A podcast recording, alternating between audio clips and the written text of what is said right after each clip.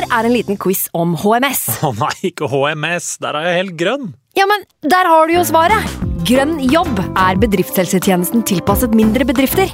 Våre HMS-eksperter hjelper mer enn 8000 bedrifter over hele Norge med alt fra lovpålagte HMS-krav til pålegg fra Arbeidstilsynet. Få på plass bedriftshelsetjeneste på grønnjobb.no. Hallo? Jeg kommer fra Oslo politikammer. Ine Jansen er purk. Er du purk? The motherfucking bitch. Alt jeg vil, er å finne ut hva som skjedde med mannen min. Jon Carew. Er jeg sikta for noe? Iben Akeli. Det er du. Ole So, Lars Berrum og Big Daddy Karsten. Hvem sin side er du på, egentlig? Anette Hoff, Tone Danielsen, Kommer du fra Afrika? Jørnis Josef, Nesten. Kløfta. Trond Espen Seim, Det er synd å si det, men det var feil mann som døde. Purk. Premiere tirsdag på TV2 Play. Nå har vi starta. Fantasy. God evening.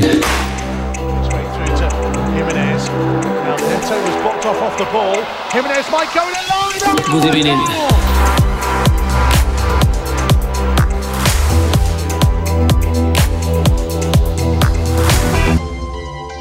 Hallo, hallo og hjertelig velkommen til en ny episode med Fantasyrådet. Jeg heter Franco, og jeg har med meg i dag mine to freaks and geeks. Simen, velkommen skal du være. Takk skal du ha, Franco. Hei. Og velkommen også til deg, Sondre Golden Midtgarden. Hjertelig takk for det. I dag, gutta, har vi en gjest vi har, har gleda oss til å ha på besøk igjen. Eh, han takka høflig nei i sesongen i fjor. Jeg husker ikke hvorfor, men han sa at det var et dårlig år for Fantasy, tror jeg. Men i dag har vi med oss eh, sjakkspiller og TV2 sjakkekspert Jon Ludvig Hammer. Velkommen tilbake. Takk, takk. Hei, hei.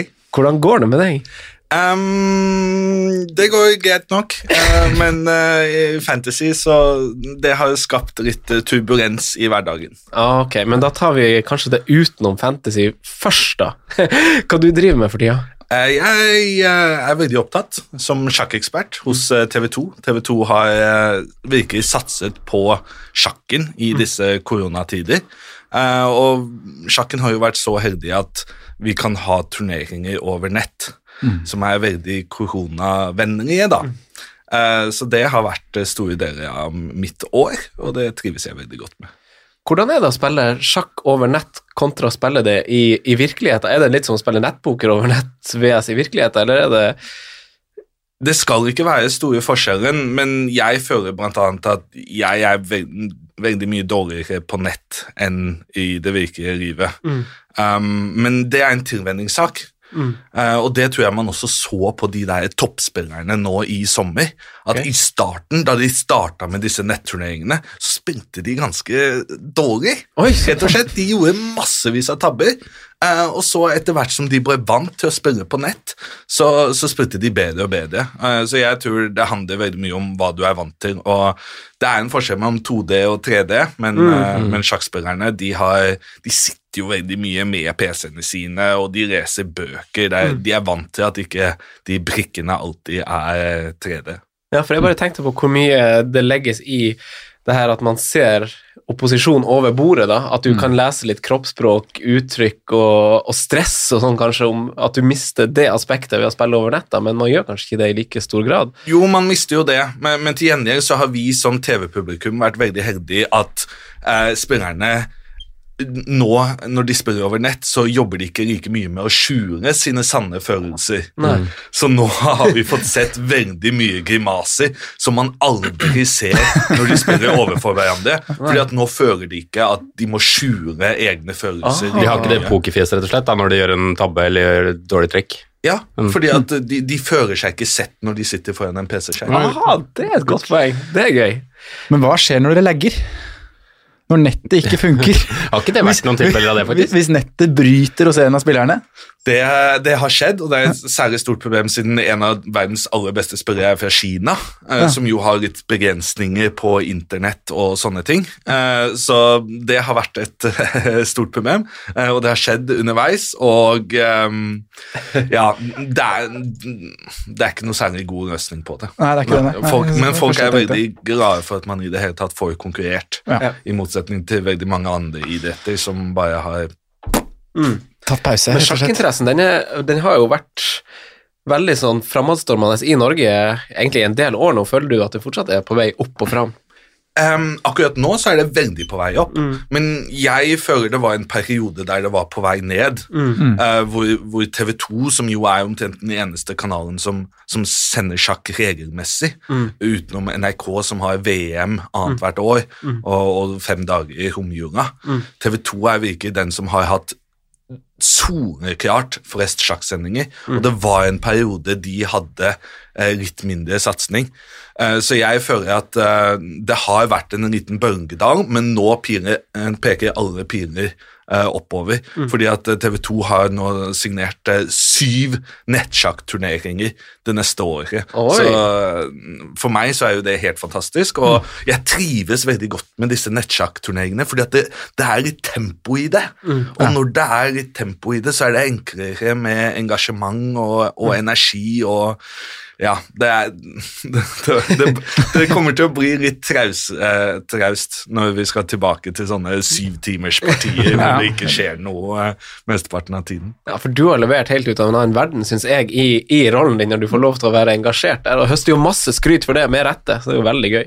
Men som, som spiller sjøl, da, spiller du noe sjakk, eller er det bare, bare jobbing i studio på deg nå?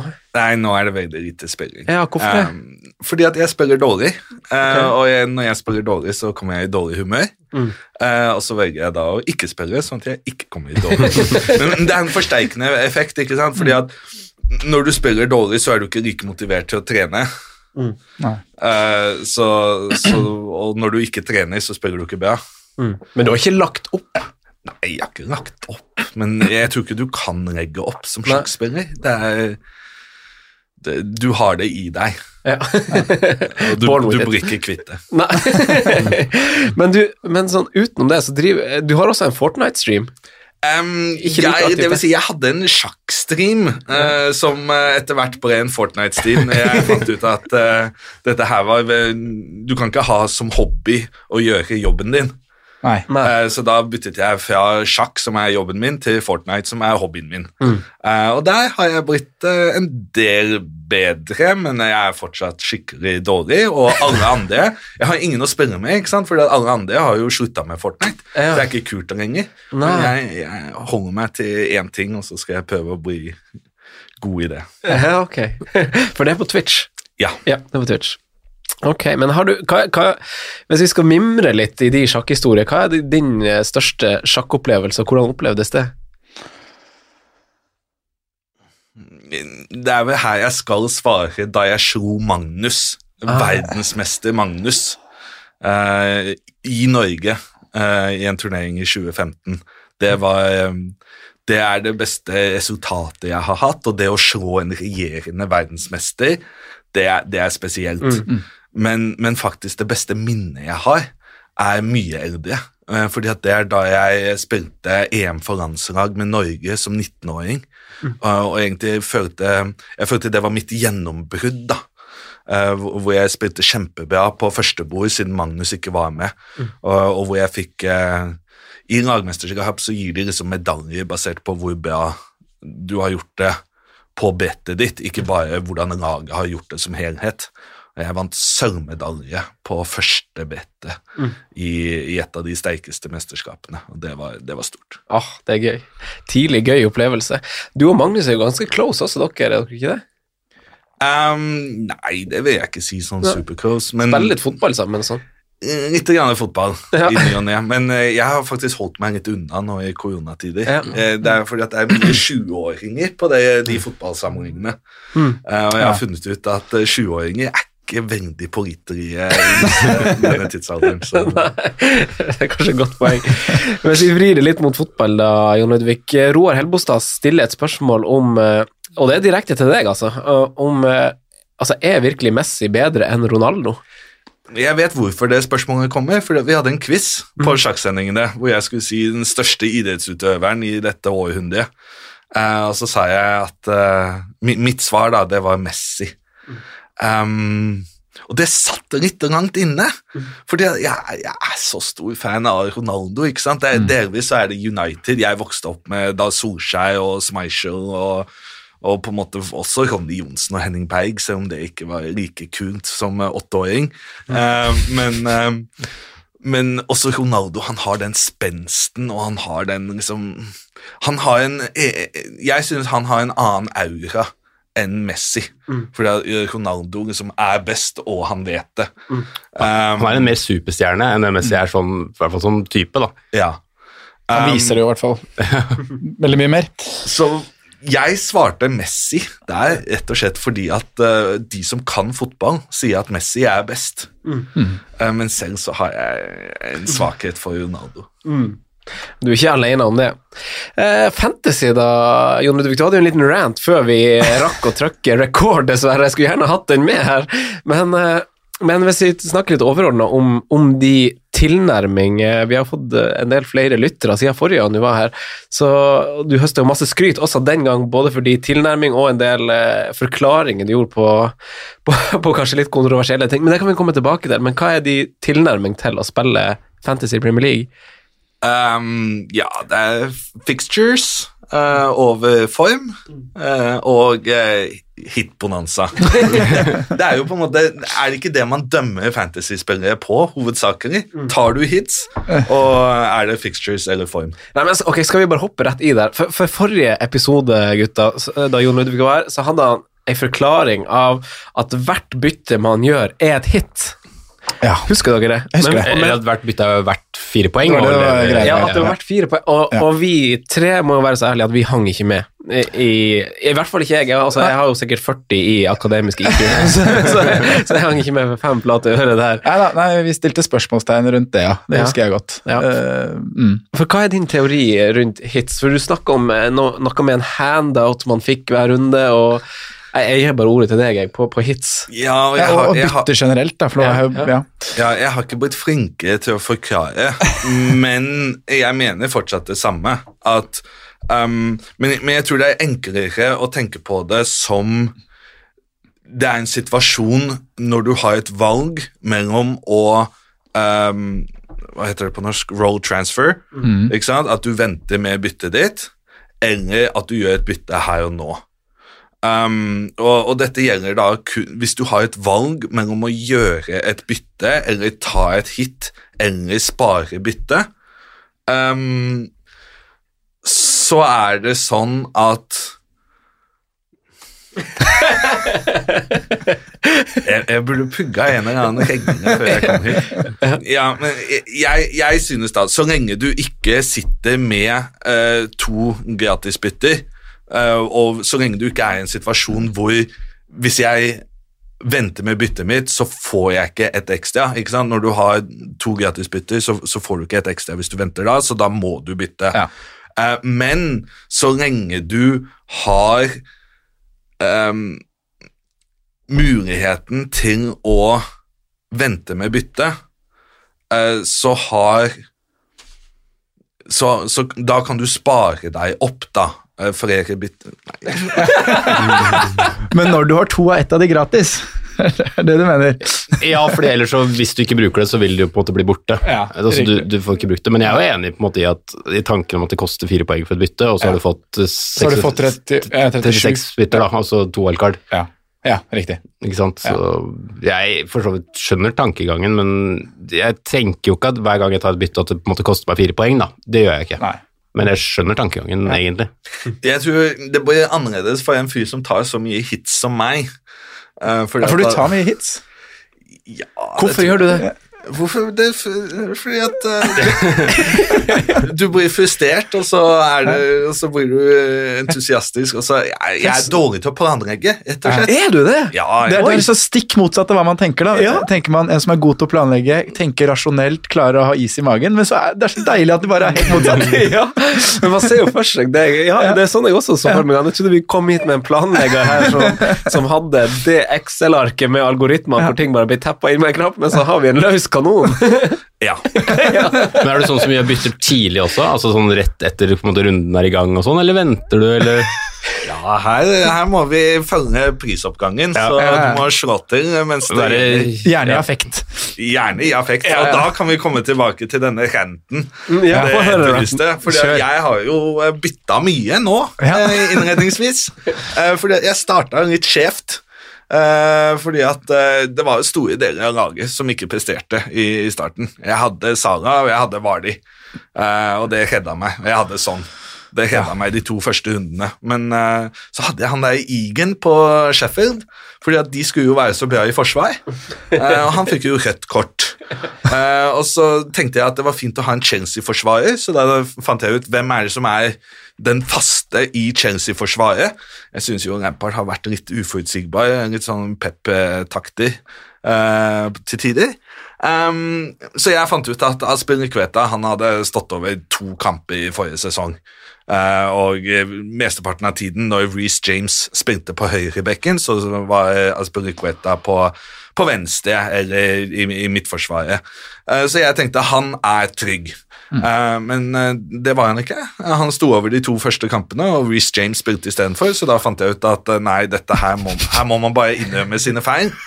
Så jeg bytta ut uh, Aspilicueta med Reece James, som deretter har blitt benka eh, et par kamper på rad, til fordel for Aspilicueta.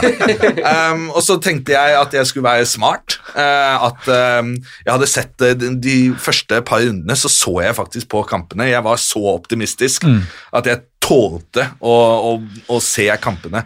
Eh, og da fikk jeg med meg at selv om Vardy skårte mye mål, så var det mye på straffer, og at han fikk til veldig lite generelt. Eh, Så jeg tok han ut eh, før kampen mot Manchester City. Eh, Fordi jeg tenkte mot City skårer jo ikke noe særlig, og han får jo ikke til noe utenom straffer. Men det viste seg at Leicester fikk jo mye straffer mot City, da. um, så jeg tok ut Vardi og puttet inn Werner istedenfor. Uh, fordi at Werner hadde jo så voldsom høy prosentandel. Uh, og, og jeg følte at Chelsea hadde veldig gunstig kampopplegg, uh, kampprogram. Så mm, hvis Werner begynte å skåre, så ville jeg ligge, ligge langt bak hele spillet. Men eh, det viste seg at alle de som hadde Werner fra start, eh, som jeg da hadde turt å ikke gjøre, men de var nå lei, så de solgte han. Så jeg har jo verdien på laget mitt, det er jo helt uh, krise. Um, og så, uh, ja Så var jo sånn skada, da. Ja. Ja, så jeg solgte han. så jeg har hatt en dårlig start. Ja, du har det. Men du, har- har du fortsatt Werner? Eh, ja, nå i forrige runde så hadde jeg Werner, eh, så da skårte han masse mål. Og nå, nå er jeg redd for å ta han av. Jeg hadde til og med Che Adams. Ja, hadde du begge de? Ja, ja, ja, ja. Ok! Det, det var så mye gærent med laget mitt at selv en eh, hitmester som meg hadde ikke klart å hitte av Che Adams. Ok, så du er glad i å ta hits, og da gjør du det rett og slett etter form og, og litt eierandel, antyder du òg, at du styrer litt strategi etter. Altså, Werner satt jo på litt i årsak av eierandelen var høy. Ja, men jeg tror alt jeg gjorde innredningsvis i år var feil. Så på en måte, jeg kunne hatt en lang diskusjon nå om mitt nye perspektiv på hvordan man skal spille fra start, men det er jo ikke så interessant nå. Og når vi starter på nytt og får en ny sjanse neste år, så kommer jeg til å ha glemt alt det jeg husker nå. Så Hvordan skal du spille fra nå av, da? Fra nå av så, så var det så mye gærent med laget mitt at jeg tok wildcard. Ja, okay. Det var det som var opprinnelig planen, uh, men, men akkurat siden jeg ligger så langt bak, så hadde jeg egentlig tenkt til å, til å unngå, unngå det, da. Eh, og for å på en måte gjøre noe flest folk flest ikke gjorde, da. Eh, og nå føler jeg at jeg bare er litt, er litt sånn bak de som allerede tok wildcard for to-tre runder siden. Um, men jeg måtte det, fordi at jeg begynte å gå tom for spillere.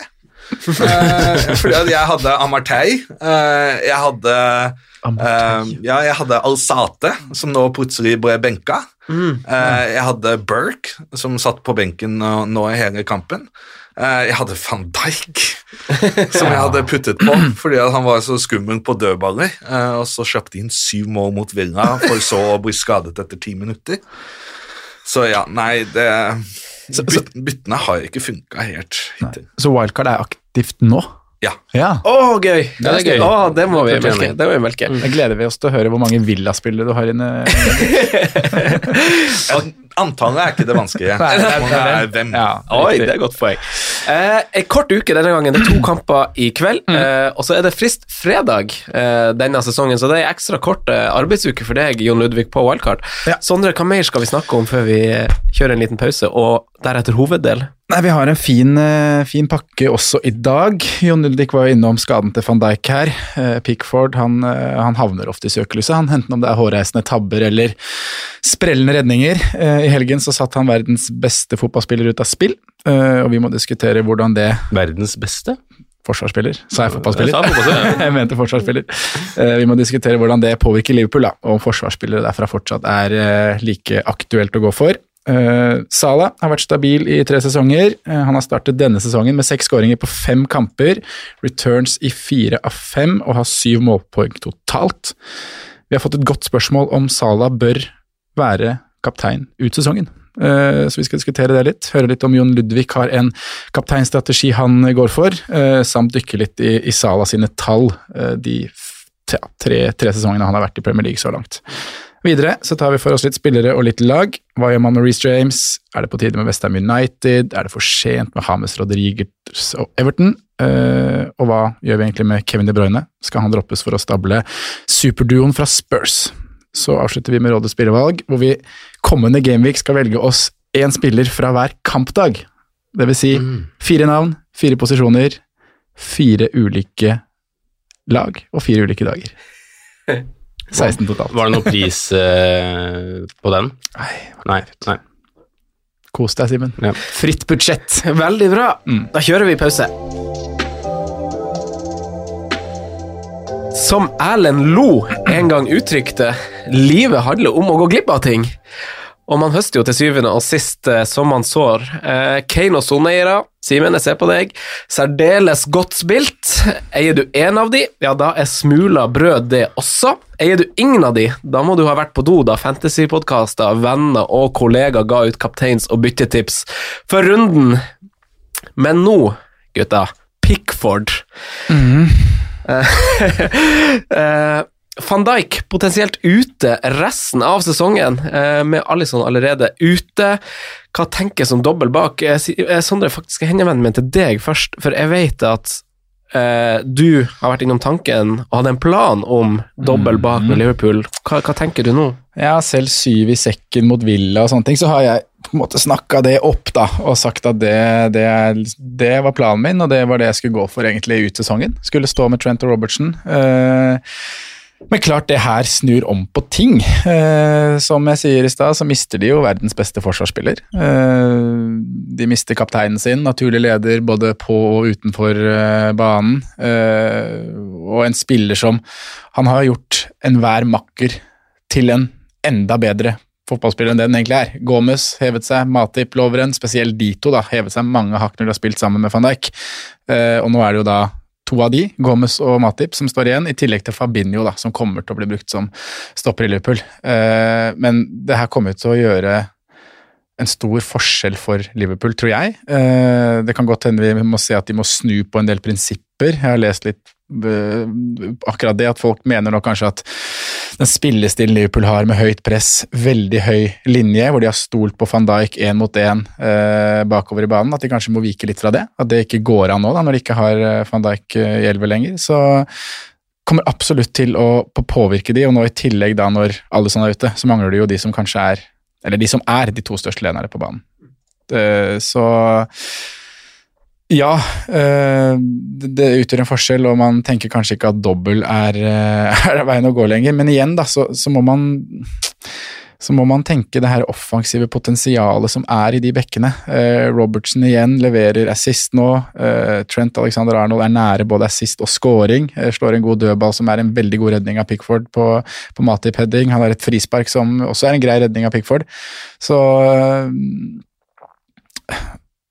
jeg tenker jo, du, du har fortsatt med deg en av de, og Robertsen er jo den vi velger per nå. Eh, I min situasjon, som hadde planlagt å gjøre Robertsen inn nå, jeg kommer fortsatt til å gjøre det, tror jeg. Ta ut Reece James, sette på Robertson, ha den dobbelen nå i de to neste kampene, for så å luke ut Trent når City City venter i Gameweek 8. Se an litt kanskje hvem du tar ut, men i hvert fall Ja. ta ut en. En av de to. Mm. Ja. Ja. Så, men det er jo en veldig Det her blir så spennende, syns jeg. Få, nå skal Liverpool endelig få oss en veldig stor test. De hadde mye skader også i fjor, eh, det har vi snakka om, Simen, selv om det kanskje har blitt litt undersnakka. Men nå er, nå er den viktigste spilleren ute, altså. Ja, og så har det vært, det er ikke bare det, men det har jo vært en enorm liste allerede i år. Du har jo.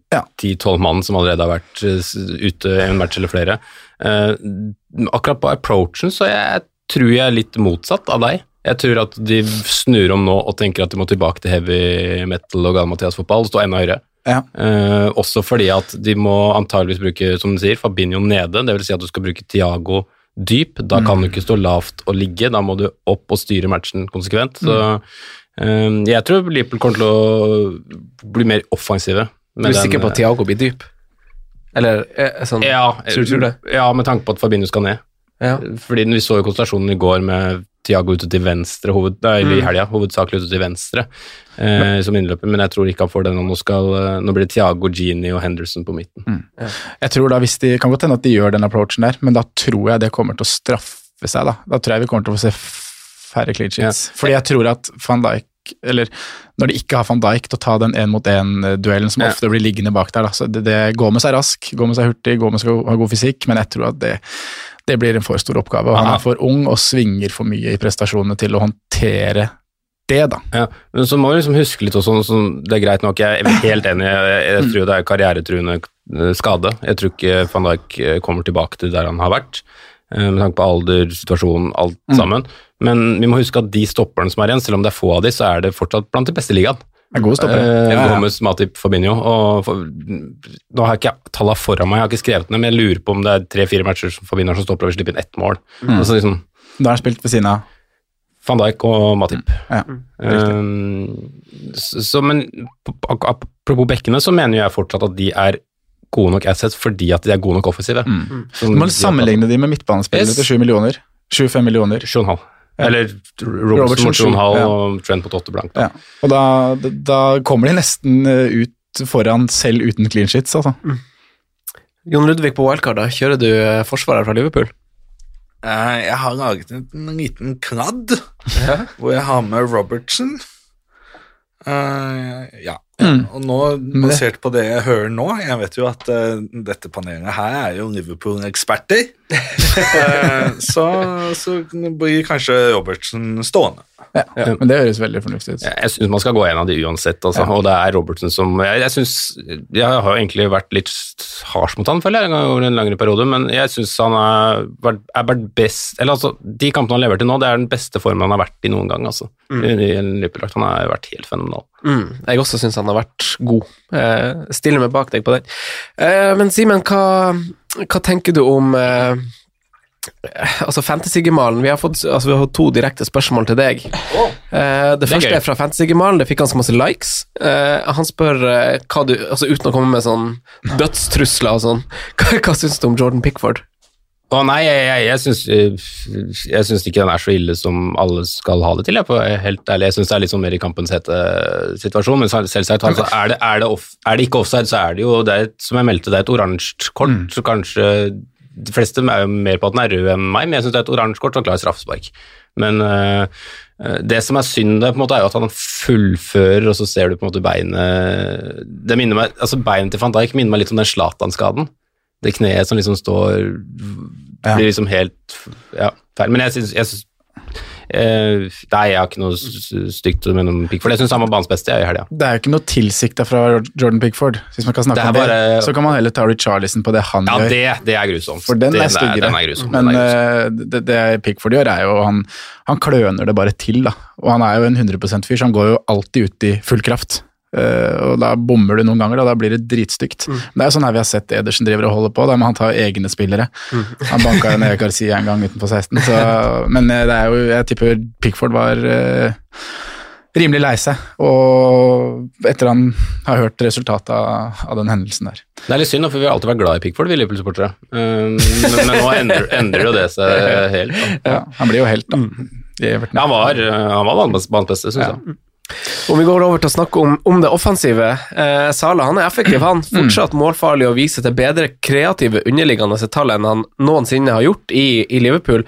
Som et supplement til at han alltid er tilstedeværende med en rå skuddstatistikk. Eh, Carl Georg Ørn på Facebook spør jo derav med god grunn om å cappe Sala hver runde, eller er det verdt å, å gamble i ny og ne? Uh, jeg vet at du har eh, forberedt noen tall på det her, Sandre, men først, uh, Jon Ludvig, jeg lurer på om har du en veldig bevisst kapteinstrategi? Nei, og jeg tror kaptein er noe av det jeg har tapt mest poeng på uh, opp igjennom. Um, Tar du sjanse på kaptein? Noen ganger, Uh, ikke, men jeg, jeg føler ikke det selv. Eh, jeg bare bommer mye. jeg hadde Salah som kaptein i forrige runde, og jeg kommer sikkert til å ha han som kaptein i neste runde. Ja. Men eh, det hadde jo vært bedre å ha f.eks. Sånn som kaptein i denne helgen, eller kanskje Werner. Men det er jo lett å si i ettertid. Ja, det er tøff. Jeg, jeg, synes, jeg så et par Werner-kapteiner, faktisk. Jeg syns de er ganske tøffe, altså, som Ja, gjør det. Selv om jeg hadde venta på den, men jeg syns de er tøffe, de som gjør det. altså. Men uh, capper du ut ifra kamp, da, eller uh, hvordan kapteinspollen virker å gå, eller form? uh... Akkurat nå, grunnen til at jeg cappa Sara denne uken, var jo fordi at det var en fyr på Twitter som sa han hadde tro på Sara. Ja, skal ikke mer til denne gangen. Nei, men han, han fyren, Abu et eller annet sånt, Ja, ja. han virker veldig grundig. Abu- Ah, ja, der, Han er fin, han. Så jeg, jeg stolte på han, jeg. Ja. Eh, eh, Sondre, Ja. eh, hvorfor skal man alltid, og når skal man cappe Mohammed Salah? Hvorfor skal man alltid, og når? Ja. Hvis man starter med, starter med konklusjonen her, da, så er vel egentlig eh, en runde som dette her eh, en gangen man ikke da skal cappe Sala. Eh, bortekamp og mot et lag da som angivelig er topp Nå er jo Everton topp fire, men før sesongen tenker man kanskje topp seks, topp åtte på Everton. Uh, og det er det, liksom, det, det, det er det tallene viser også. Uh, for jeg syns jo Spørsmålet er spennende. Skal man autocappe Sala hele tiden? Eh, Vi snakka litt om det på Patrion også på fredag, Franco. Eh, Men hvis man ser på de tre sesongene Sala har vært i Premier League så langt, da, så har det, det er et lite mønster i hva han gjør. Kanskje ikke veldig overraskende. Eh, Men 17-18-sesongen, første året, var jo helt enorm. 13 mål hjemme, nei, 19 mål hjemme, 13 mål borte. Jeg har også da sett på litt hvilke lag er det han har blanka mot? Er blanka han litt mot alle, eller er det noe mønster i, i hvilke lag han scorer mot? Eh, Den første sesongen der så hadde han blank hjemme mot United, borte. eh, Blank også mot United, City, Leicester og Spurs. Og det er jo alle da topp fire-lag. Eh, Han hadde noen blanks i tillegg til det her, altså, men nå har jeg liksom mest sett på da topp, lag som ligger topp seks, da. Ja. Eh, 18-19-sesongen, 13 mål hjemme, 9 borte. En litt nedangående Det er jo den dårligste sesongen av de han har så langt. Eh, dette året hadde han eh, blanket han på Anfield mot City, mot Everton, mot Manchester United, mot Leicester, mot Spurs og mot Wolverhampton. Alle det er jo lag som kom topp syv det året. Eh, borte eh, Leicester, Spurs, Manchester United og Arsenal. Eh, det er også topp syv-åtte lag. 1920, fjoråret, 19, nei, 15 mål hjemme, fire mål borte. Eh, Den skuffeste, eller den dårligste og mest skuffende sesongen på bortebane av de tre han har hatt. Eh, Denne sesongen blanket han mot Leicester, Wolverhampton og Chelsea hjemme. Eh, Kun de matchene han blanket. På bortebane så var det kan man heller se på hvilke lag han skåret mål mot, da, i og med at det bare var fire borteskåringer. De målene kom mot Bournemouth, de kom mot Westham United, og de kom ja, to mot Brighton, riktig. Så konklusjonen er jo egentlig som man hadde tenkt i forkant, at uh, han er best på hjemmebane. Uh, men han har altså ikke Hva er det jeg så for noe jeg har skrevet ned? Han har, han har aldri skåret borte mot Leicester, City, Chelsea eller United. Uh, Han skårer borte mot City.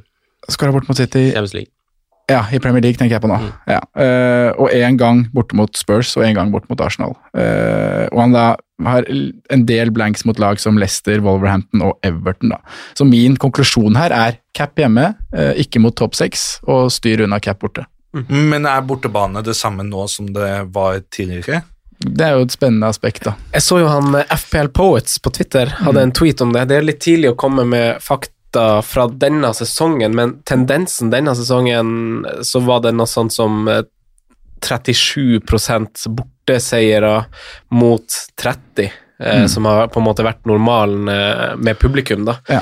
Eh, men det er jo bare basert på de fire-fem første rundene, da, så ser man kanskje en tendens om at det er litt mer poeng som tas på bortebane enn hjemme. Ja, men der er jo Sala da, han har jo tre, seks mål så langt. Mm. Tre hjemme og tre borte. Og han har liksom opprettholdt statistikken med å blenke mot topp seks-lag. da. Han Mm. blenka mot Chelsea i runde to og blenka mot Arsenal i runde tre. Så kom skåringen igjen mot Villa og mot Everton òg, da. Kanskje litt overraskende, Mm. sånn ser ut fra den lille dataen vi har. Men eh, ja.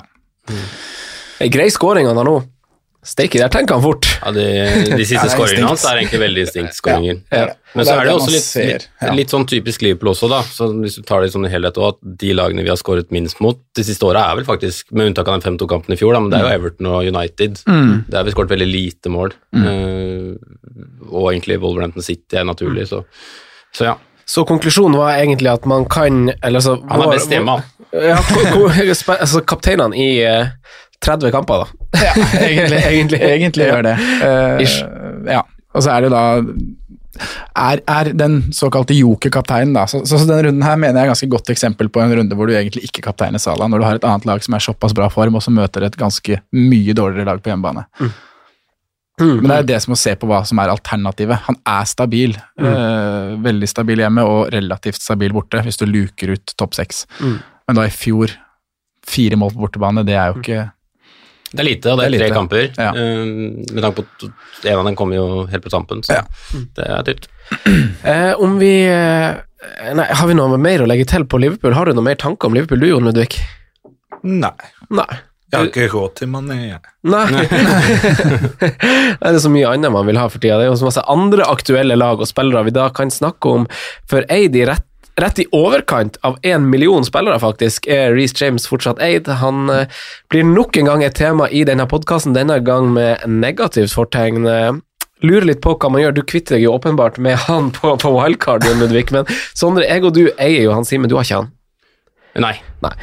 Hva, altså, vi, før vi snakker om hvem vi føler er de riktige forsvarerne, vi bytter Reece James ut, eller Sondre?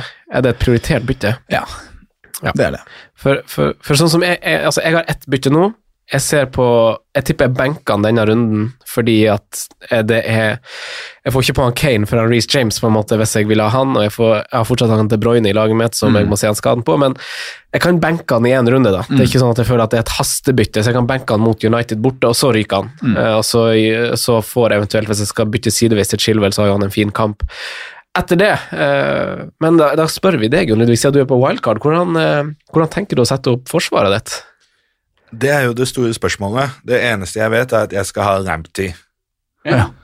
Um, Og Robertsen. Og, eh, mm, Robertsen lever ikke Han er ikke automatisk på laget. Nei, ok. Lamptey er den eneste sikre. Er den ja, Og Martinez, da, selvfølgelig. Ja. Martinez er må du ha. Helt riktig. Helt Um, riktig, Så ellers så er jeg veldig usikker. Akkurat nå så står jeg med Mitchell, eh, Robertson, Lamptey, uh, Killman, som jeg ikke aner hvem er, men han er 4,0 som fikk tre bonus i forrige runde. Og så Dallas, som jo jeg hadde veldig mye før sesongens Før på en måte kampoppsettet kom, så hadde jeg mye Dallas på laget. Eh, og Magnus har han nå. Magnus gjør vesentlig mer research enn meg, og han, vi har jo sett at han har gullhår av en annen verden. Eh, så, så det er litt sånn inspirert av at uh, kanskje man bare skal følge Magnus. Men bruker han masse tid på, på Fantasy? Ja. Ja. ja, men det er bra. Jeg vet, altså Vi snakka jo om det her jeg vet ikke om det var på Patreon eller i forrige uke. altså Leeds er jo det eneste laget som er ferdig med City og Liverpool. da. Eh, og det er jo, Hvis man skal tenke litt langtidsperspektiv, så er jo da på wildcard en fin løsning å gå for en Leeds-forsvarer, for du er ferdig med de to kampene, i hvert fall. Eh, Lamptey han stiller meg også bak. Han, det gikk, han var ikke helt flytende denne runden her. Han fikk litt juling egentlig og, og sånn på, på sida der, og ble kanskje møtt av sine overmenn når det kom til Ikke overmenn, men likemenn på hurtighet og styrke på, på den sida der. Men For en mann, altså. Lamptey. Ja. Ja, han er rå. Herregud, den, de fem kampene han har vist nå, det er, er så ny, altså, At en bekk kan være så morsomt å se på, Ja. det er helt rått. Det er dødsartig, faktisk. Men stoler vi på han Potter, da? Fordi altså, jeg er jo eier av Lamptey, jeg valgte jo å starte han istedenfor å ta minus fire denne runden. Men så det er jo, altså, i to av de fire rundene før det, så har han blitt bytta ut før, før det er spilt 60 minutter. Og vi begge- vet jo hvordan han Potter er. Ja. Så, så, så, sånn, stoler man For man vil jo ikke ha de spillerne som blir bytta ut. Nei da, men det har vært smeller egentlig begge gangene. Ja, kanskje det. Han har Ja. jo fått kjørt seg altså, bort, var det, det var vel Newcastle-kappet, så blir det rett og slett høvla ved gang på gang fordi at han herjer. Mm. Uh, men uh, nei, jeg er litt enig med deg. Jeg stoler ikke helt på den defensive der. Nei. Men jeg syns jo offensivt potensialet der er veldig bra. Mm. og det, det er litt synd han fortsatt eller har gått opp til 4-7 hvis man liksom skal kjøpe nå, men, men det er et, jeg, men så vanskelig som det er å lese clean shit om dagen, så syns jeg det er et bra kjøp. Altså. han er tenk- på lista her. Ja, for Tenkte du på å stole på spilletid, eller Ja, på stole på at han Spilletid. Ja, når det- det... er kjipt å ha en forsvarsspiller som blir bytta ut etter 58 minutter. Ja, Han for eksempel. Men det skal vel legges til der at det har vært litt sånn smårusk og sånne ting som Ja, det han, det Ja, du sa det. Spacer ut, vet du. Men eh, jeg stoler på spilletid. Ja. Eh, men eh, vi, vi kan jo Har du vurdert Jon Ludvig? Eh, vi har jo snakka opp eh, Du snakka opp eh, Jon Ludvig før du kom inn her, egentlig, og vi har snakka opp egentlig siden før sesongen. Aston Villa har vi hatt tru på. Eh, det, Siden den, før sesongen. ja, vi snakka om det i preseason-episoden, at vi mente at den kom til å komme til mellom Var det 9 og 13. plass? 7 og 13. 7, mellom 7 og 13, ja. Så vi hadde litt trua på dem. Men, eh, men eh, du sa at du ville ha tre mann. Spørsmålet er hvem? Har du vurdert to bak? Har du vurdert f.eks. Target og Martinez? Nei. Nei. Nei. Hvorfor ikke? Ehm, fordi at jeg syns det er mer spennende med de offensive, og jeg har, må innrømme jeg har ikke sett noen kamper. Nei. Fordi at uh, det, var, det var en periode her det gikk så dårlig med fantasy-laget at jeg ikke lenger tålte å se kampene. Jeg skudde av Liverpool mot Villa etter fem minutter fordi at jeg hadde dobbel Liverpool-forsvar, og så slapp de inn etter fem minutter, og så tenkte jeg nei, dette her gidder jeg ikke. Og du kan jo ja, det var en overraskelse da jeg sjekket resultatet noen timer senere. Eh, fordi at da hadde jeg mye minuspoeng. Ja, det er riktig. Men hva tenker dere, da? Det jeg, det jeg så Villa i går, uh, og det jeg tenkte da jeg så det, var at altså, han Grealish er jo litt sånn fyst i alt å bestemme, men jeg ser jo at på jeg hold, Og nå holder jeg på å si alle dødballene, så står jo han Target der sammen med han, da. Eh, så det, vi vil jo, han vil jo være en 4,5-forsvarer som tar en dødball i ny og ne, corner, og vi ser jo at det blir jo også mål av det i ny og ne. Uh, Det jeg så på Target uh, i morges, det var at han hadde fått en del gule kort, Ja, og han hadde ikke fått noe bonus. Han er en Um, selv, om de har, um, selv om de har hatt mye clean sheets, så hadde Target ikke et eneste bonuspoeng. Og det, når det kommer til sånne forsvarsspillere under fem, så er jeg Jeg ser veldig mye på, på bonuspoeng. ja. Um, jeg vet ikke helt hvorfor, men det har blitt en sånn greie. Så jeg- det var en periode jeg var stor tilhenger av Saco. Mamadou. Hva tenker du om billigforsvarere, Simen? Har du noen eh, på lista å, føye til? For jeg er jo egentlig, ganske enig med jeg Jon Ludvig. sier Jeg sa det til dere i stad, at jeg hadde egentlig bestemt meg i går for at jeg skulle gjøre et uh, minus fire litt sånn utradisjonelt move. Jeg skulle bytte keeper, og jeg skulle bytte forsvarsspiller. Jeg skulle sette inn øh, Matt Target, jeg skulle sette inn Martinez. Det det ender med, er at jeg dette var liksom bestemt i hodet mitt at dette skulle gjøre, og dette hørtes logisk ut, men det jeg kom på, er at jeg har jo Nyland som uh, reservekeeper, så jeg hadde for mange Villa-spillere hvis jeg bytta, gjorde den veien. Så um, det verste er at ah, det er irriterende når sånn drit der står i veien. Han kunne bare hatt uh, David Button eller et eller annet på den plassen der. Det er håpløst. Men man, man satte inn Nyland fra start, da, for man håpa på den første kampen. Riktig. Uh, eller, Andre. andre. kampen var det, ja. ja. Men første kamp til Virja, stemmer. Ja, men Stair var førstevalget der, var han ikke? Jo, det var det det er jo derfor Stair var på laget mitt fra første runde. ja. han ble jo nå kasta ut for å gjøre plass til Det var en periode jeg tenkte å, Martinez og Stair, det er jo sånn samme lag-greie. Ja, ja. Det er smart. Men jeg, jeg må kaste han ut, fordi at det må gjøres plass til tre Villa-spillere. Mm, ikke sant? Det er akkurat det. det vi snakka om det på Wildcard, at vi ikke vil ha reservekeeperen fra et lag vi kanskje kommer til å ønske tre spillere fra på et tidspunkt. Mm, men jeg hadde ikke tenkt at eh, Nei, selv, nei, selv om det Brad hadde gått Nei, men, selv om Brad eh, hadde liksom vært med Villa, så hadde jeg aldri tenkt at jeg skulle komme i posisjon hvor jeg vil ha tre, da. Eh, men, uh, Men der er vi. Ja, vi er faktisk det. Og jeg, er me- jeg, jeg skal si at jeg er mer på to pluss én enn eh, Altså to defensive, én offensiv, enn én pluss to, da. Mm. Jeg så bra om når du skal si sånne forkortelser, så må du forklare dem. Så Ja. bruker egentlig det mye lengre tid enn at du bare gjør det enkelt. Men litt fordi at jeg, Ja, det er nok Villa ser veldig solide ut, og det blir nok en del mål, men altså å plukke to offensiv, bruke to plasser på et Villa offensiv, det, det, det, mm, ringer ikke godt for meg, altså. Eh, og da er det, som dere egentlig var inne på, det er Jack som det ser ut som er uh, sjefen der, og det er han jeg har lyst på. Jeg ble jo veldig og han er overrasket. jævla kul. Jeg ble jo veldig overraska da jeg så kampen i går over hvor høyt i banen Ross Barkley ligger. Altså, Ja. Han lå jo i presstyp, så ligger jo han på topp. Altså, Han ligger jo fremst av, eh, av alle altså da, alle de tre, på å da mener jeg Grealish, Watkins og, og Barkley. Da lå han øverst. Eh, og han koster jo 5,9, og, så- og så er det det her med blanke ark. og så Nå er det en ny klubb, og kanskje en klubb som passer og Barkley bedre. Han ligger høyt i banen, han får, har selvtillit for tida. Kunne jo ikke god fått en bedre start. Kunne ikke fått en bedre start, og, og laget er i flyt. Og det, det, vurderer du han, Jon Ludvig? Ross Jeg står med Martinez, Barkley og Grealish. Ja, riktig.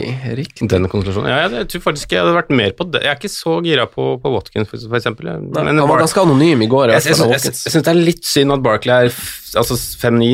altså, Hadde han vært 5-5, så hadde han vært egentlig mye mer aktuell, altså.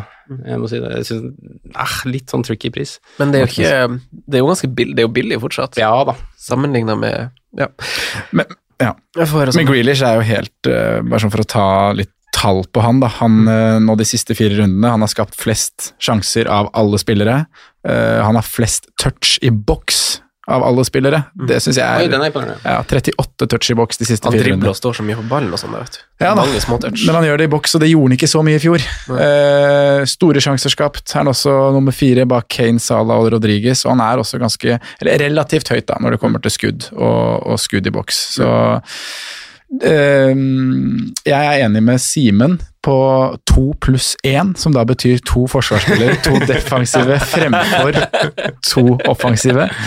Eh, og tror vel ikke at Det er vel kanskje det vi så i går som kanskje kommer til å være Villa i år. Eh, vi, mener, vi, de har styrket seg, de har et bedre offensivt, men de kommer ikke til å skåre syv hver helg. Eh, så mm, det er veldig fine, eller fint potensial for clean sheets nå i de ja, så langt du kan lese, egentlig, bortsett fra Arsenal i runde åtte. Mm, det er bare å stå. Så Martinez pluss Target pluss Grealish er vel egentlig der jeg ville vært nå på, på wildcard fra Villa.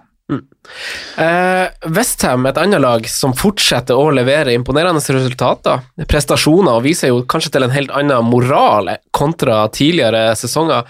Kenneth Sørensen stiller spørsmål om vi må begynne å ta Westham seriøst, eh, til tross kampprogram, og du er jo ficturemannen, Jon Ludvig, så, så hvordan, hvordan stiller du deg egentlig Vi snakker nå om dette laget som slapp inn tre mål på 15 minutter. Mm, og skårte tre mål på 11. Ja, jeg så ikke den delen av kampen. da du skrudde av. Nei, Jeg så de tre skåringene, og så slo jeg av.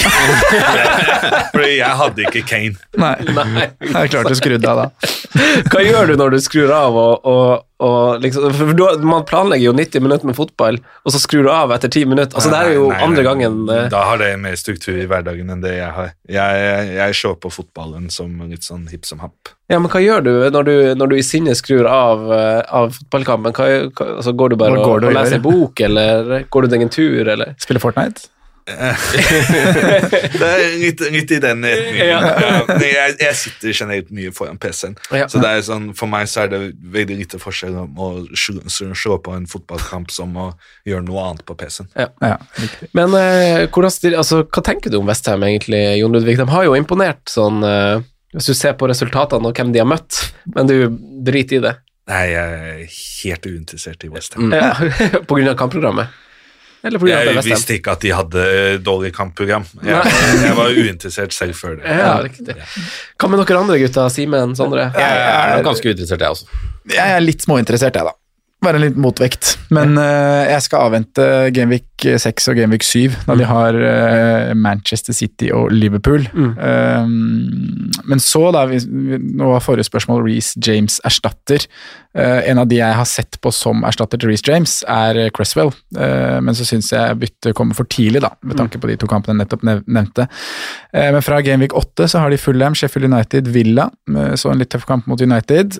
Så kommer Leeds Palace. Så, så det er en fin rekke, og Cresswell har jo ja, Som vi tok forrige uke med litt offensive stats på bekker, så er jo han en som uh, slår en del innlegg, slår noen dødballer, skaper litt sjanser. Han har bra fot, altså. Ja, han har det, uh, og får jo nytte av den nå i, i, i helgen. Så Cresswell inn. ikke sant? Min skisserte plan nå har jo vært James ut denne. Da har jeg sagt at jeg mest sannsynlig kjører inn Robertsen.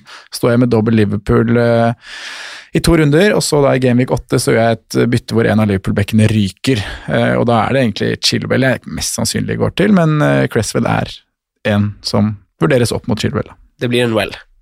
Well, well. Det blir en well. Uh, Men bortsett fra det, så avventer jeg det her Antonio-opplegget og ja, ja, Bowen du Han er Kofal har egentlig sett ganske bra ut da, i fraværet av Fredericks. Ja, han kom litt sånn ut fra, fra intet. Han er ligner, ligner litt på Erik Peters. Ja, Litt sånn høyreback. Ja, for så vidt. Vladimir Peters. Ja, han var ganske bra. Men Ja, det han- tror jeg jo ikke han beholder plassen på sikt, da.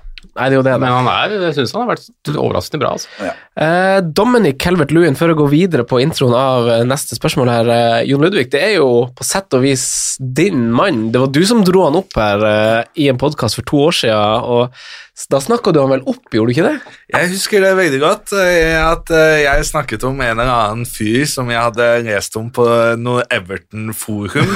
Det var jo perioden jeg faktisk hadde topp 10 000 plasseringer på Fantasy.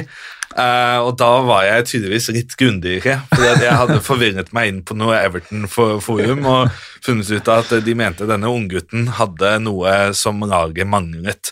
Og Jeg kom på denne podkasten og jeg snakket ham opp, og jeg har hatt en liten svakhet for ham siden. Jeg puttet han inn på slutten av eh, forrige sesong. eh, Etter at jeg så han mot Liverpool, hvor jeg synes han hadde en kjempekamp, selv om han ikke skåret. Så da tror jeg de siste syv kampene av den sesongen så hadde jeg inn min mann Calvert Lewin skåra ingenting eh, og fikk ikke eh, plass på laget mitt eh, denne sesongen. Av den grunn. Så det er mye, mye følelse i sving når jeg spiller Fantasy. Det, det lønner seg ikke. Altså, han er banna fra laget ditt. I bandet er han ikke, men han har ikke blitt prioritert. Og det, det gjorde vondt, det gjennombruddet han hadde nå på starten av sesongen. Fordi at eh, jeg føler jeg har satsa på ham så mye nå opp igjennom, eh, og så slår han til når jeg, når jeg ikke har han. Men nå har eh, Dominic Calvert-Lewin snart steget med 0,8. Eh, James Rodriguez har vel snart steget med 0,5. Eh, naturligvis mest stigning i sine posisjoner. Og, og Sindre Hoff Pettersen han nevner for øvrig deg, Jon Ludvig, som favorittgjest på podkasten. Eh, spør om eh, Everton-flyet har letta. Eh, lavpri lavprisbillettene er i hvert fall ikke flere igjen av. Eh, Jon Ludvig, syns du det er for seint å hoppe på Dominic Calvert-Lewin, James Rodriguez? Nei, jeg syns jo ikke det er for sent, men jeg kan jo si at jeg har nå et eh, wildcard-lag her hvor jeg fikk ikke plass til noen Everton-spillere. Oi, ingen? Nei. Nei, hvem, hvem det er som er på, på altså, hvem er det på Akkurat nå så har jeg Saha, Ja! som jo er eh, ikke bra, men å oppgradere Saha til Rodriguez tror jeg ikke jeg hadde råd til. Nei. Men uh, dette er work in progress, altså. Dette er ikke satt. Og, For det er et 3-5-2-setup. Ja, det var noe annet. Jeg har jo en del spørsmål, jeg også. Så fordelen med å komme i studio og stille spørsmålene istedenfor å gjøre det på Twitter Ja. Ja, dere blir litt dårligere forberedt, og ja, jeg ødelegger hele kjøreplanen. Nei, kjør! Ja, come on. Men eh, det må svare, fordi at nå sitter jeg jo her. Ja, da tar vi Jon, Jon Ludvig spørsmålshjørnet nå. Ja. Eh, og hvem er 4,5-eren? Det har jeg skrevet på lista mi. På midten. På midten. Ja Eller har vi nå eh, en mulighet som spiss? Med Brewster. Bytta han inn sjæl før denne runden. Øh, det er jo en mulighet fordi man kan hente penger da, og fordele øh, rundt omkring, men når man ser på kampprogrammet til Sheffield United, så er det jo ikke så veldig mange kamper man har lyst til å spille Brewster da, i løpet av de tre Også neste. Sheffield United er det skikkelig dårlig i dag. Ja. Skikkelig dårlig, og han så skikkelig dårlig ut når han kom inn i går. Han fikk jo ikke mye, mange minutter å gjøre det på. Han fikk 30 minutter ish, eh, men han er så svak ut. Så, og det er så mange spisser der.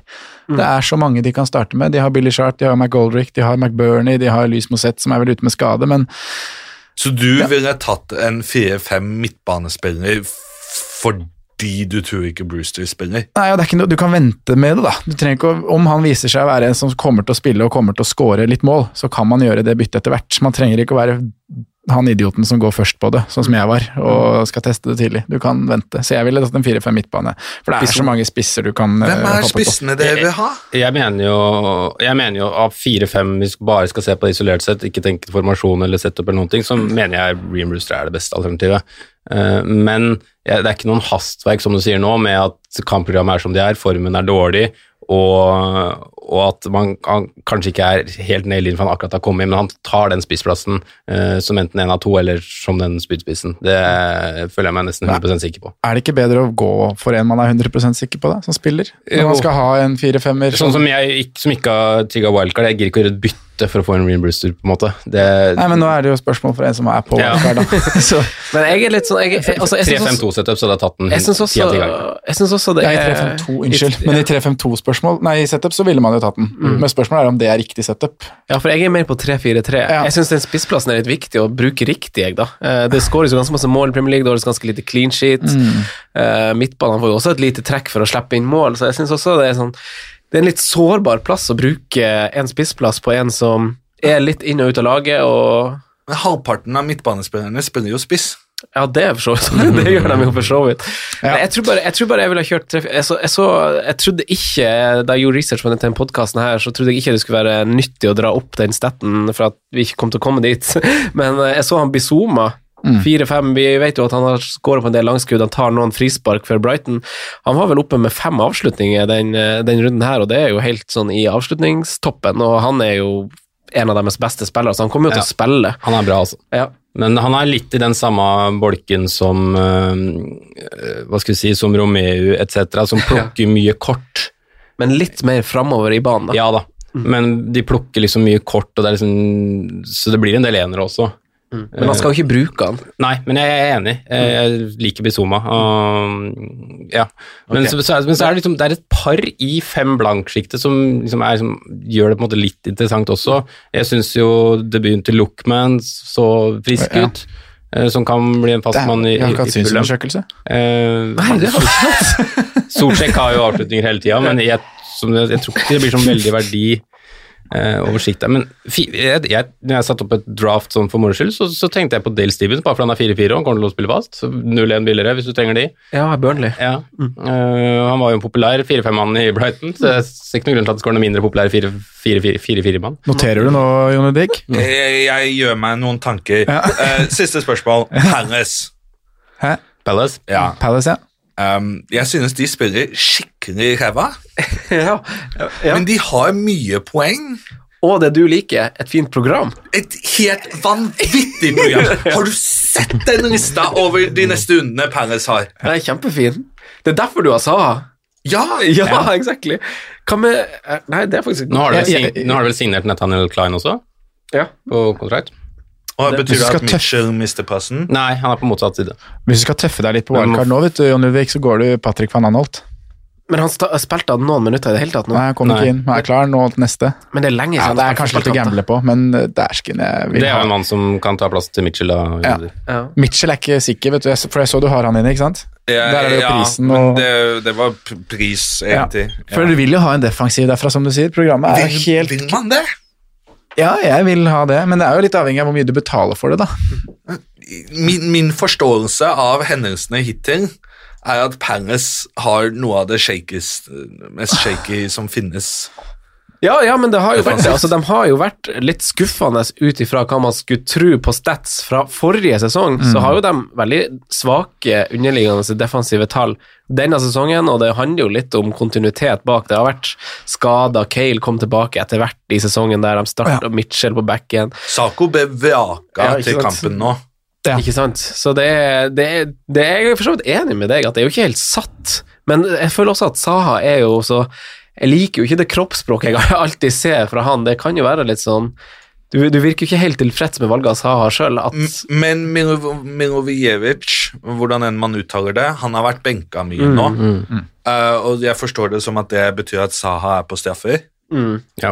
Han har skåret på to straffer i år, så han tar jo dem så fremst uh, Milivojevic ikke er på banen, i hvert fall. Kanskje han til og med gjør det hvis han er på banen, for de straffene har vært gode, syns jeg. Ja, men Milivojevic har vel skåret på 11-12 eller et eller annet sånt i Premier League, så han er ganske solid han òg.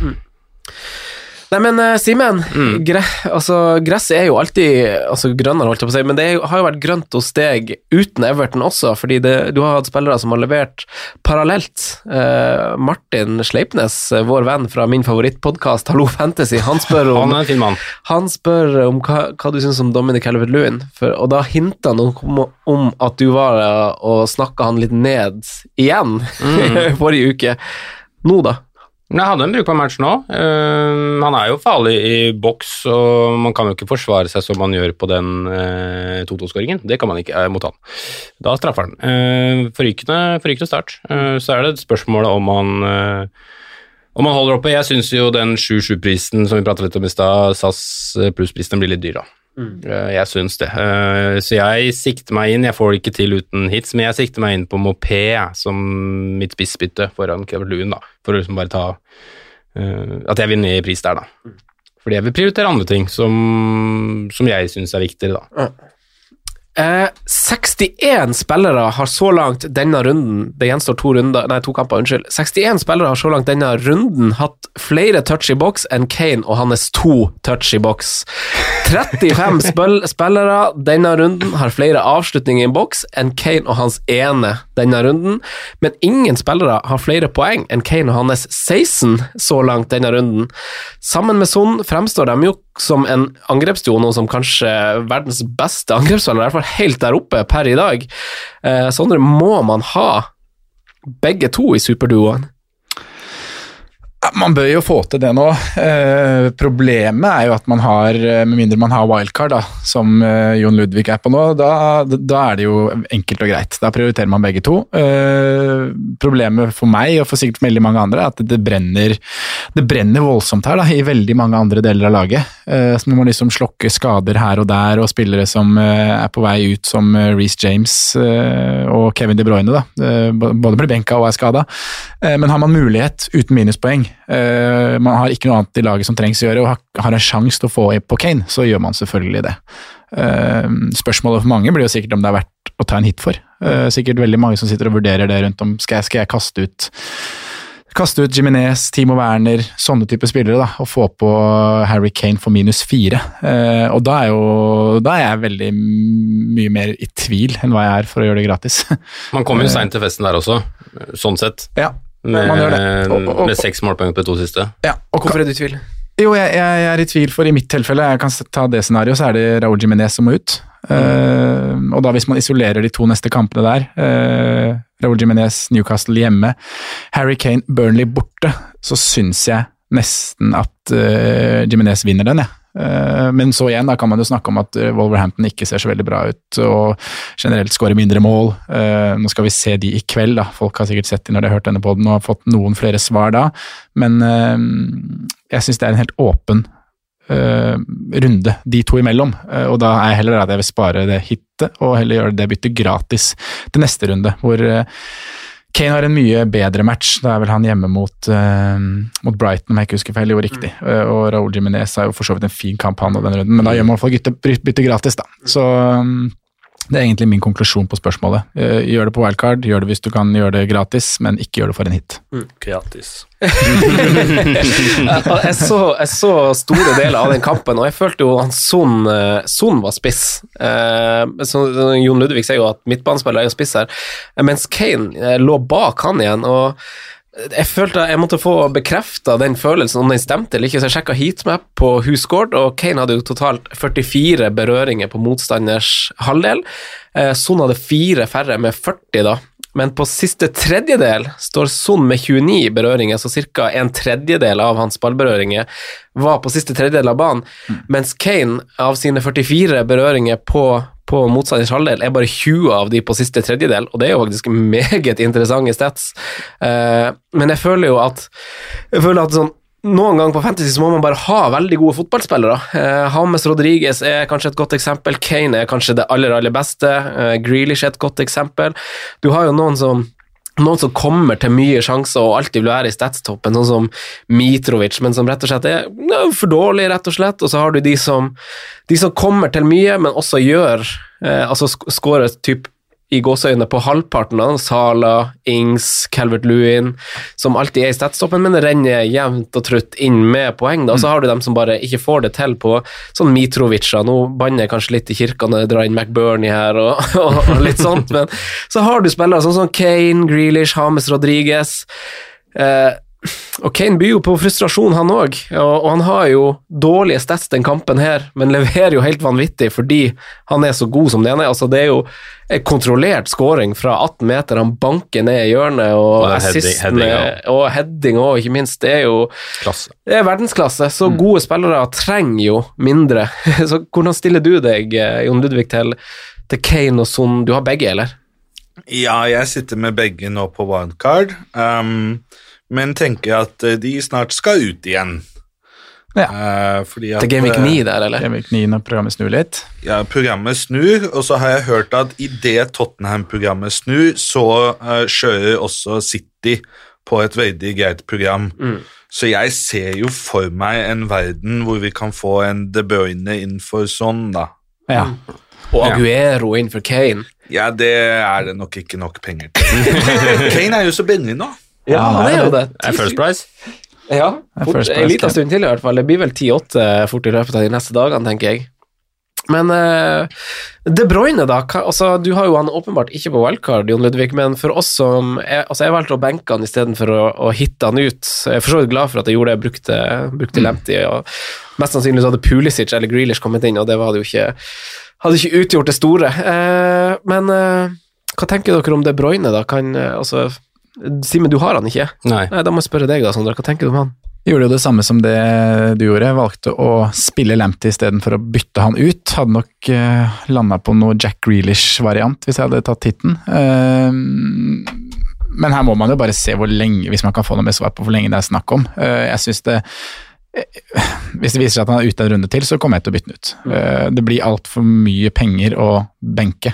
Eh, og så er det jo da programmet som kommer etter, eh, et, Nå har de Villa Nei, Westham i neste, og så er det egentlig en litt sånn Sheffield United borte. Det er greit, men så er det Liverpool og Tottenham, da. Uh, hvis det kanskje er en periode hvor det er greit å droppe City og Kevin De Bruyne, så er det akkurat de matchene, for da skal han kanskje ikke kapteines uansett. Og så kan man heller gjøre som eh, Jon Ludvig sier her, da, sikte seg inn på på han inn igjen til Gameweek eh, ja, 10, da kanskje, eh, hvor det er Burnley Fulham. Uh, men jeg vil, ha, jeg vil ha noe mer svar før jeg gjør noe. Men eh, det heller mot å kaste De Bruyne, og det er en gyllen mulighet. Det var jo en gave til alle som var på wildcard. Herregud, så fint det var å ha fått den på fredag der. Bare klinke han ut av wildcardet sitt, kjøre Son, Kane, stable det du ville. Eh, så var det veldig flaks, da, for de som gjorde tidlig bytter, og kasta De Bruyne tidlig i uka for Son. Fikk den fint. Veldig heldig. Men eh, ja, jeg heller jo mot å bytte den ut. Jeg var en av dem. Nei, du tok ut De Bruyne for sånn. Jeg tror det. Ah, det, Ja, og gjorde det kommentar. gjorde underveis i pausen, eller underveis i forrunde. Um, hvis du bare tenkte på scenarioet som dere er på, da, hvis det også er andre lyttere der, så er det jo kanskje en mulighet hvis du har Kevin De Bruyne, å kjø- hvis du ikke har tre Liverpool-spillere, da, å kjøre en Mané som en placeholder fordi de to neste hjemmekampene er såpass fine. Oi, det er et godt poeng. For det er vel bare 0-4 opp. Å få med seg Sheffield og Westham hjemme med dobbel Liverpool uh, midtbane der, f.eks., det, det er jo en sexy variant. Oi, det er jo råsexy. Har jeg ikke tenkt på. Åh, det kan fort bli aktuelt. Men jeg blir, jeg blir litt sånn eh, revet med i øyeblikket, jeg kjenner jeg, og det Ja, har men jeg blitt før. Det kan fort du har- men det er, nei, jeg likte ideen kjempegodt. Ja, for Hvis du har bestemt deg for at Kevin kanskje skal tilbake til, til runde ni, da, når det mm. cirka der det liksom er veldig bra, så er det jeg tenkte det som en optimal placeholder, da. Tenker jo at han skal tilbake når han er frisk, egentlig. Ja. Eller i hvert fall etter de, Liverpool og den matchen der. Jeg, jeg, jeg har snakka litt ulike om Kevin De Bruyne, jeg, jeg er ikke så sikker på at han outscorer f.eks. sånn på sesongen. Altså, jeg, så jeg det er nesten like greit å sitte med sånn, som er såpass mye billigere. Jeg syns Kevin er litt stiv, og selv om altså, ja, Kevin har all verdens ferdigheter til å til å mm, gjøre det samme tallene som han hadde i fjor, men jeg tror ikke- det var så umenneskelig tall for en midtbanespiller med 36 målpoeng. Mm. Jeg tror ikke han kommer nesten i nærheten. Eh, det blir ikke mer eh, Fantasy Premier League enn det Werner gjorde i helga. Eh, to skåringer og målgivende etter eh, folk er drittlei. Eh, men du, Jon Ludvig, du satt jo trygt i det, for du hadde ikke brukt opp den eh, Altså, den hadde ikke brent ut den lunta hos deg ennå. Eh, Chelsea og United, man blir ikke helt klok. Hvordan stiller du deg til, til United, kanskje først og fremst, når du ser resultatet du gjorde nå i helga, Jon Ludvig? Uh, United har jeg ingenting på. Vurderer du ikke Rashford, Bruno Fernandes, Van Bissaka Nei. Nei, litt tøffe kamper, for så vidt. Men, eh, men Werner, da, får han bli? Kjøpt. Ja, det er mitt, uh, mitt spørsmål. Um, fordi at uh, Dette er jo også delvis fordi at jeg har nå latt han synke i verdi. 0,2. Eh, og når du lar noen synke i verdi, så er det så da er det paradoksalt nok verdi i å la dem være. Siden hvis de da går opp igjen, så får du 0,1 istedenfor bare at du, de må gå to opp eh, for at du får verdiøkning. Eh, Pluss jeg har litt lyst til å ha en Chelsea-spiller. Um, fordi at eh, det kampprogrammet til Chelsea Altså Jeg var faktisk på trippel Chelsea i forrige runde. Som jo var en fandese, siden to av nei, For to runder siden så hadde jeg trippel Chelsea, og to av dem spilte ikke, med Mount og James. Um, men, men det er jo fordi at jeg likte kampprogrammet, da. Eh, Så da kan jeg korrigere eh, noen av feilene jeg har gjort, men, men fortsatt holde meg inne med en Chelsea-spiller. Eh, så Werner akkurat nå står på laget mitt, men han lever jo ikke trygt. Kan jeg spørre hvem du har på topp i, i Altså, det er, det er tidlige dager, som du sier, det er bare mandag, og det er fortsatt lang planleggingstid, men hvem har du i, i draftet på utskriftet dette her? Nå har jeg Kane, Werner og Brewster.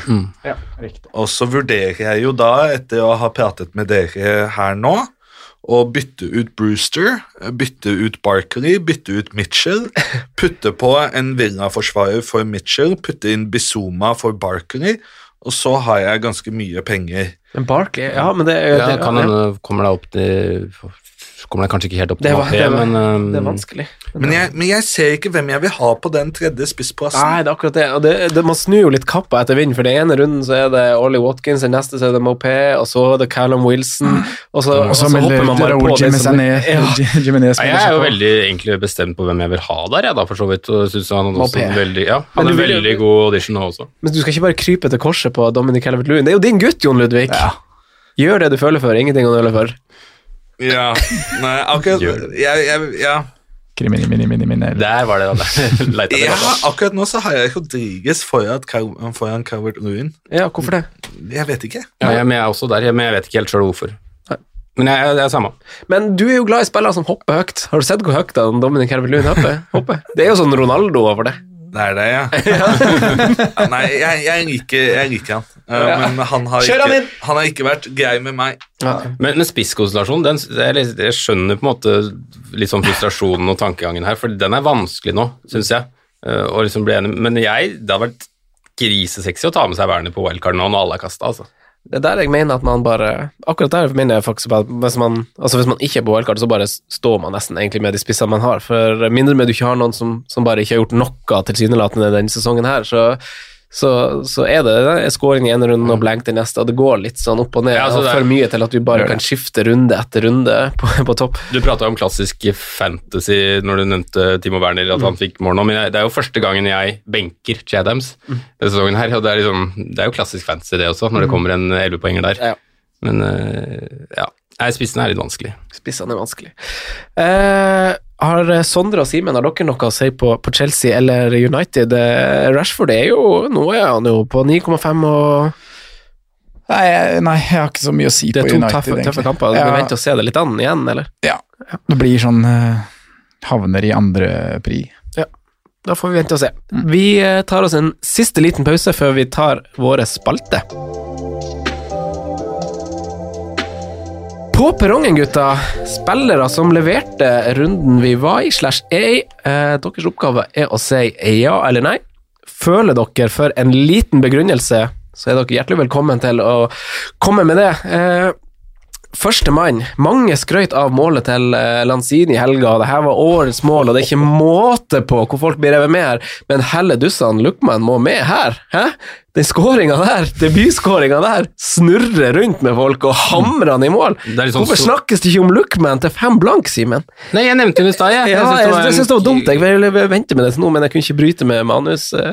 Jeg likte veldig godt, lik- likte veldig godt debuten. jeg. Jeg, syns egentlig Fulham så ganske bra ut, men nå må vi ta motstandere i betraktning. Mm. Men jeg syns um, det så mer, mer muskler ut, mer trøkk ut, eh, mer alternativer, mer legg Strengere spille på. eh, enn det de har gjort. De andre kampene har egentlig vært planløse. Nå er det første gang de virkelig prøver å fòre han det beistet de har på topp der.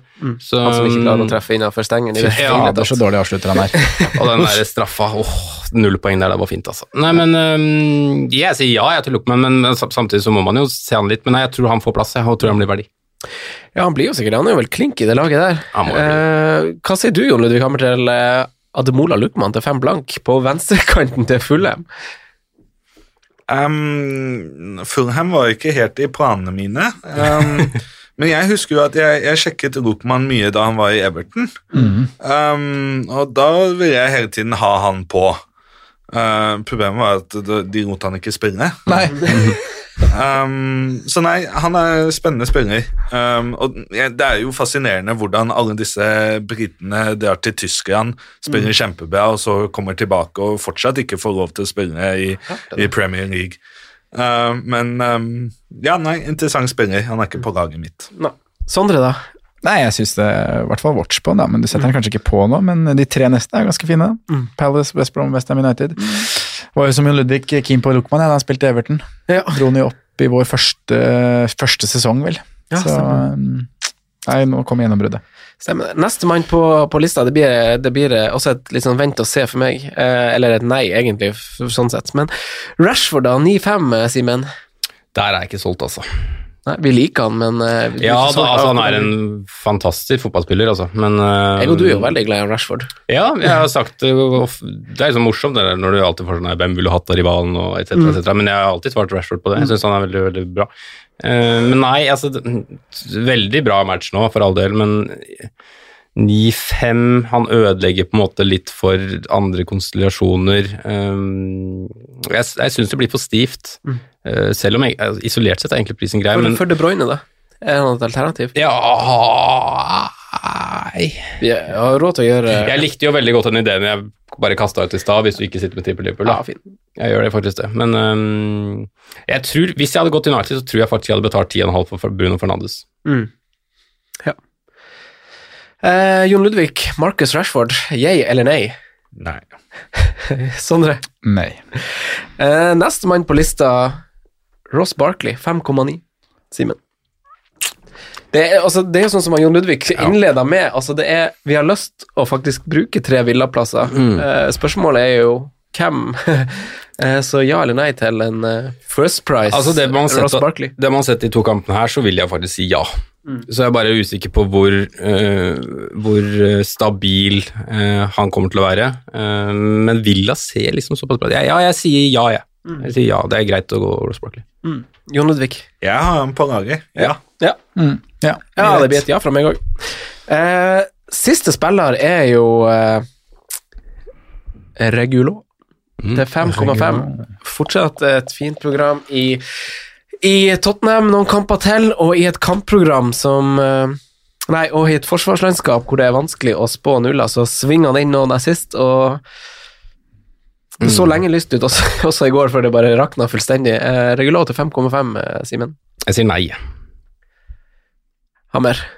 Nei um, Det var jo de som trodde Mourinho skulle fikse forsvaret, men det har han ikke gjort. Det er stikk motsatt han har gjort. ja.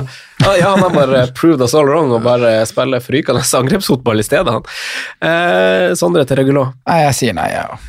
Ja. Jeg gjør det. Selv om spilleren isolert sett ser Ja. frisk Ja, jeg ut. syns han ser bra ut. Skapte en stor sjanse.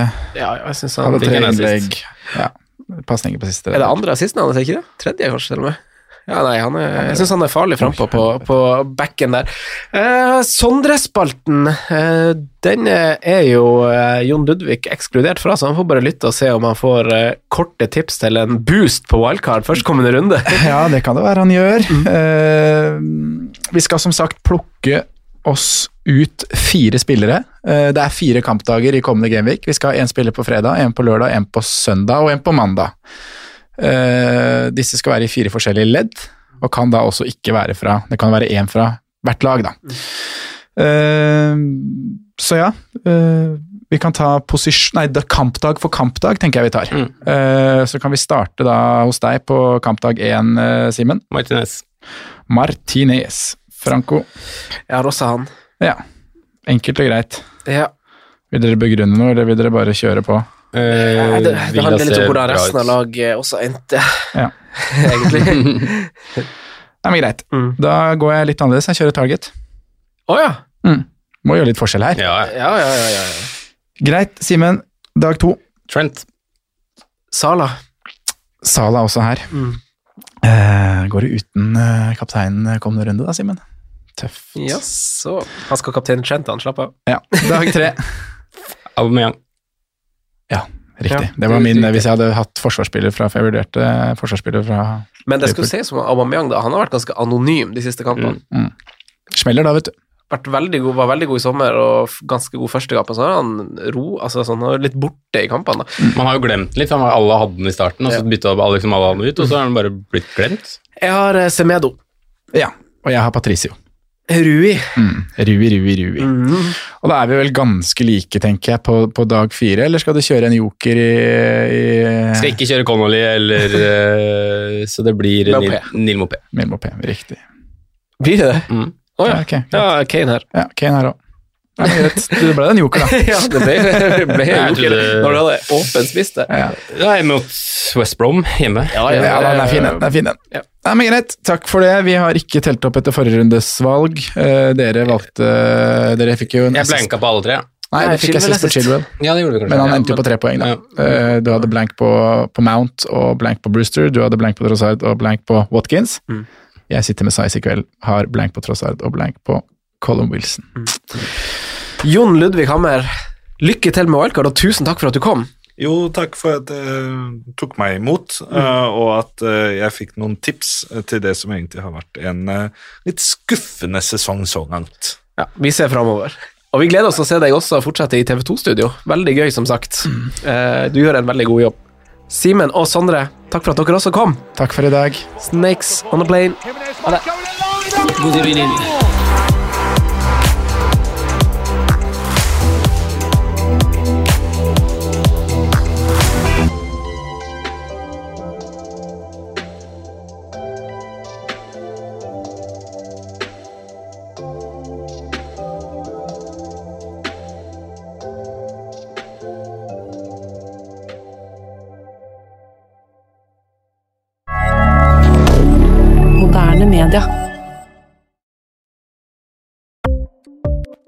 Ukens annonsør er Folio, en smartere banktjeneste for deg som har en egen bedrift eller ønsker å starte for deg selv.